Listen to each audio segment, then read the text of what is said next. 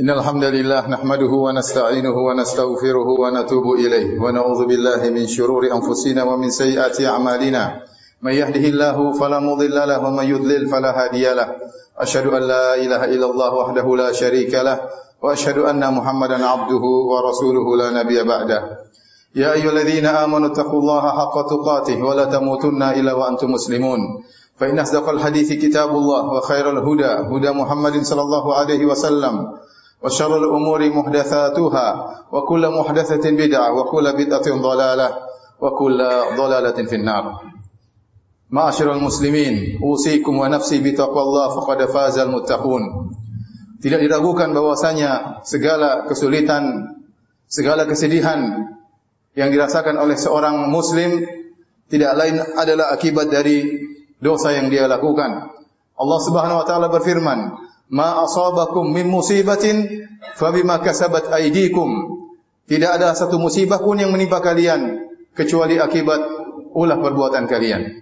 Dan Nabi wasallam bersabda, "Ma yusibul muslim min nasabin wala wasabin wala hazanin wala hammin wala ghammin wala adan hatta syaukati yushakuha illa kaffarallahu biha khatayahu kata Nabi wasallam tidaklah menimpa seorang muslim baik yang menimpanya berupa keletihan sakit kesedihan kekhawatiran tentang masa depan ghammin kegelisahan azan gangguan dari orang lain dia dizalimi bahkan duri yang mengenai dirinya kecuali Allah akan menghapuskan dengannya dosa-dosanya. Ini dalil bahwasanya semua yang menimpa dia, bahkan keletihan, kesedihan, kekhawatiran tentang masa depan, kegelisahan, kesedihan tentang masa lalu, hati yang tidak tenang, semuanya adalah karena dosa-dosa yang dia lakukan. Oleh karenanya, tidak ada kesulitan yang kita hadapi di dunia, terlebih lagi di akhirat kelak, kecuali akibat dosa yang kita lakukan. Dari situ kita tahu bahwasanya di antara zikir yang sangat agung adalah zikir al-istighfar. Karenanya Nabi SAW bersabda, Tuba liman wajada fi sahifatihi istighfaran kathira. Sungguh beruntung orang yang mendapati dalam catatan amalnya banyak istighfar. Ini orang yang beruntung di dunia dan terberuntung di akhirat kelak.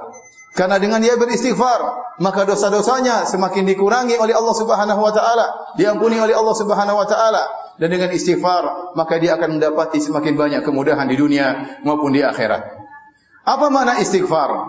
Al istighfar diambil dari kalimat istighfara yang berarti talabul maghfirah, memohon kepada Allah al maghfirah. Adapun al maghfirah diambil dari kata mighfar dan mighfar dalam bahasa Arab adalah helm pelindung kepala yang dipakai oleh seorang prajurit dalam peperangan. Tidaklah dikatakan penutup kepala dengan mikfar kecuali telah memenuhi dua persyaratan, memiliki dua fungsi. Yang pertama fungsinya adalah menutup kepala, yang kedua adalah wiqayah. Yang pertama sitar menutupi kepala, yang kedua wiqayah melindungi kepala dari hantaman pedang atau senjata musuh. Baru disebut dengan mikfar. Oleh karenanya Imam Ibnu Qayyim rahimahullahu taala menjelaskan, Sorban tidak dikatakan dengan mikfar. Taqiyah, songkok tidak dikatakan dengan mikfar. Karena fungsi songkok dan sorban hanyalah menutupi, namun tidak melindungi. Adapun yang dikatakan mikfar adalah helm yang digunakan oleh seorang prajurit tatkala bertempur. Dari sini kita tahu bahwasanya al-istighfar artinya kita minta maghfirah kepada Allah, artinya kita minta dua hal kepada Allah Subhanahu wa taala. Yang pertama talabu sitr. Kita mohon agar Allah menutup dosa-dosa kita. Kita mohon agar Allah menutup aib-aib kita. Agar Allah tidak membongkar aib kita di dunia, terlebih lagi di akhirat. Sungguh merugi jika seorang aibnya dibongkar di dunia. Orang akan meninggalkannya, orang akan menghinakannya, orang akan menjatuhkannya tatkala aibnya terbongkar di dunia. Dan lebih mengerikan lagi, jika aibnya kemudian dibongkar di akhirat kelak di hadapan khalayak, maka itu tanda kebinasaannya. Maka seorang tatkala mengatakan astagfirullah, dia berkata ya Allah, tutuplah aib-aibku, tutuplah dosa-dosaku. Jangan kau umbar, jangan kau bongkar dosa-dosaku di hadapan manusia. Yang kedua, yang dimaksud dengan istighfar adalah memohon wiqayah. Mohon kepada Allah Subhanahu wa taala agar dosa-dosa kita ini tidak menimbulkan dampak yang buruk bagi kita. Karena tidak ada satu dosa pun kecuali pasti menimbulkan dampak. Minimal dosa tersebut akan menghidamkan hati kita. Tidaklah seorang melakukan dosa kecuali nukitat fihi nuktatan sauda. Kecuali di tetes atau dibuat titik hitam di dalam jantungnya sehingga hatinya menjadi hitam sehingga dia menjadi gelisah, kurang khusyuk, menjadi tertarik dengan maksiat. Kenapa? Karena dosa-dosa yang dia lakukan. Semakin banyak dosa yang dia lakukan, semakin hitam kelam ya hatinya, semakin dia mudah terpengaruh dengan syahwat, semakin dia mudah terpengaruh dengan syubhat. Oleh karenanya itu paling tidak dampak daripada dosa. Belum dampak-dampak yang lain. Tadi sudah kita sebutkan ada kegelisahan, ada kesedihan, diganggu oleh orang lain, dizalimi oleh orang lain, kekhawatiran tentang masa depan, kesedihan yang tidak hilang-hilang. Ini semua adalah dampak dari dosa. Maka tatkala seorang mengatakan astaghfirullah, ya Allah aku mohon istighfar, mohon maghfirah darimu, artinya dia berkata ya Allah, tutuplah aib-aibku di dunia maupun di akhirat dan ya Allah jauhkanlah aku dari dampak maksiat yang aku lakukan di dunia terlebih lagi di akhirat kelak. أقول قولي هذا أستغفر الله لي ولكم ولسائر المسلمين من كل ذنب وخطيئة فاستغفروه إنه هو الغفور الرحيم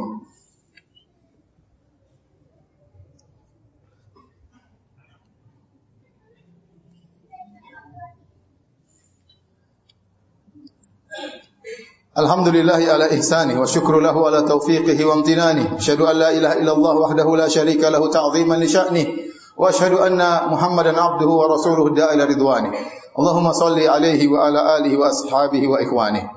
Sungguhnya lafal istighfar banyak. Di antaranya astaghfirullah. Di antaranya astaghfirullah wa atubu ilaih. Di antaranya rabbi ufirli wa tubu alayya innaka anta tawwabur rahim. Istighfar jika disebutkan secara sendirian maka maknanya adalah menutup dosa-dosa, menghilangkan dampak dari dosa dan mohon ampunan dari Allah Subhanahu wa taala. Maknanya sama dengan taubat. Jika istighfar disebutkan secara sendirian, maka maknanya sama seperti taubat. Dan taubat juga kalau disebutkan secara sendirian maknanya mengandung istighfar. Tetapi jika istighfar digabung dengan taubat, seperti dalam beberapa lafaz istighfar, astaghfirullah wa atubu ilaih. Kemudian Rabbi ufirli wa tubu alayya, ya Allah ampunilah aku dan terimalah taubatku. Maka kata para ulama, taubat kedudukannya lebih tinggi daripada istighfar. Oleh karenanya dalam Al-Quran, wa ya qaumi astaghfiru rabbakum thumma tubu ilaih. Ya kaumku, beristighfarlah kepada Rabb kalian, kemudian bertobat kepadanya. Seakan-akan martabat taubat lebih tinggi daripada istighfar. Apa bedanya taubat dan istighfar tatkala digabungkan? Taubat melazimkan seorang meninggalkan maksiat tersebut, berhenti daripada maksiat tersebut. Berarti dia sudah bertobat, dia sudah meninggalkan dosa tersebut, dia tidak lakukan lagi. Adapun istighfar bisa jadi seorang beristighfar sementara dia masih melakukan dosa tersebut. Dan ini menunjukkan bahwasanya seorang apakah dia mampu meninggalkan dosa-dosanya atau dia tidak mampu untuk meninggalkan dosa-dosanya, tetap dia beristighfar kepada Allah Subhanahu wa taala. Oleh kerana di antara zikir pagi petang seorang berkata, "Wa abu ulaka bi dzambi," yang artinya ya Allah, aku memikul dosa yang aku tidak mampu meninggalkannya. Ada seorang terjebak dengan dosa, dia tidak mampu untuk meninggalkannya. Jangan dia putus asa, terus dia beristighfar kepada Allah Subhanahu wa taala sampai dia mencapai pada derajat taubat, dia bisa meninggalkan dosa tersebut. Makanya di antara zikir Nabi sallallahu alaihi wasallam, Rabbi ghfirli wa tub alayya. Wa tub alayya bisa diartikan dua. Ya Allah, kalau aku belum bertaubat, anugerahkanlah taubat kepadaku. Ilhamkanlah taubat kepadaku. Dan ya Allah, jika aku sudah berhenti dari maksiatku, terimalah taubatku. Maka wa tub alayya ini bisa diartikan dengan dua. Yang pertama, jika kita ternyata belum bisa meninggalkan dosa tersebut, maka kita minta kepada Allah wa tuba ya Allah ilhamkanlah padaku agar aku bisa meninggalkan dosa ini, agar aku bertobat kepada Engkau. Jika kita sudah bertobat, berhasil meninggalkan maksiat tersebut, wa tuba alayya ya Allah terimalah taubatku ini. Terimalah taubatku ini. Para hadirin yang dirahmati oleh Allah Subhanahu wa taala.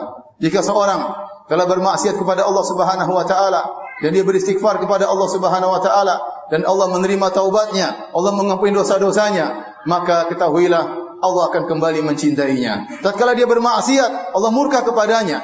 Tatkala dia membanggang perintah Allah, maka Allah marah kepadanya. Tetapi jika dia kembali kepada Allah Subhanahu wa taala, maka Allah akan kembali mencintainya. Tidak benar pernyataan sebagian orang, jika seorang sudah berdosa, Meskipun Allah mencinta Allah meskipun Allah mengampuninya, Allah tidak lagi mencintainya. Ini dibantah oleh Allah Subhanahu wa taala dalam firman-Nya, "Wa huwal ghafurul wadud." Dan dialah Allah Subhanahu wa taala yang Maha Pengampun lagi Maha mencintai. Kata Syekh Abdurrahman bin Nasir As-Sa'di, Allah menggabungkan dua namanya, Al-Ghafur dan Al-Wadud, yang Maha mengampuni dan Maha mencintai. Artinya, jika seorang bermaksiat, terjerumus dalam kubangan maksiat, lantas dia kembali kepada Allah dan bertobat dan Allah terima taubatnya, maka Allah akan kembali mencintainya karena Allah Subhanahu wa taala mencintai hamba-hambanya yang kembali kepada Allah Subhanahu wa taala. إن الله ملائكته يصلون على النبي. يا أيها الذين آمنوا صلوا عليه وسلموا تسليما. اللهم صل على محمد وعلى آل محمد كما صليت على إبراهيم وعلى آل إبراهيم إنك حميد مجيد. وبارك على محمد وعلى آل محمد كما باركت على إبراهيم وعلى آل إبراهيم إنك حميد مجيد. اللهم اغفر المسلمين والمسلمات والمؤمنين والمؤمنات الأحياء منهم والأموات. إنك سميع قريب مجيب دعوات ويا قاضي الحاجات. اللهم آت نفوسنا تقواها وزكها أنت خير من زكاها. أنت ولي ومولاها. ربنا ظلمنا أنفسنا وإن لم, وإن لم تغفر لنا وترحمنا لنكونن من الخاسرين. ربنا اغفر لنا ذنوبنا ما قدمنا وما أخرنا وما أسررنا وما أعلنا وما أسرفنا وما أنت أعلم به منا. أنت المقدم وأنت المؤخر. إله إلا أنت. ربنا آتنا في الدنيا حسنة وفي الآخرة حسنة وقنا عذاب النار وأقيموا الصلاة. الله أكبر الله أكبر. أشهد أن لا إله إلا الله. أشهد أن محمدا رسول الله. حي الصلاة.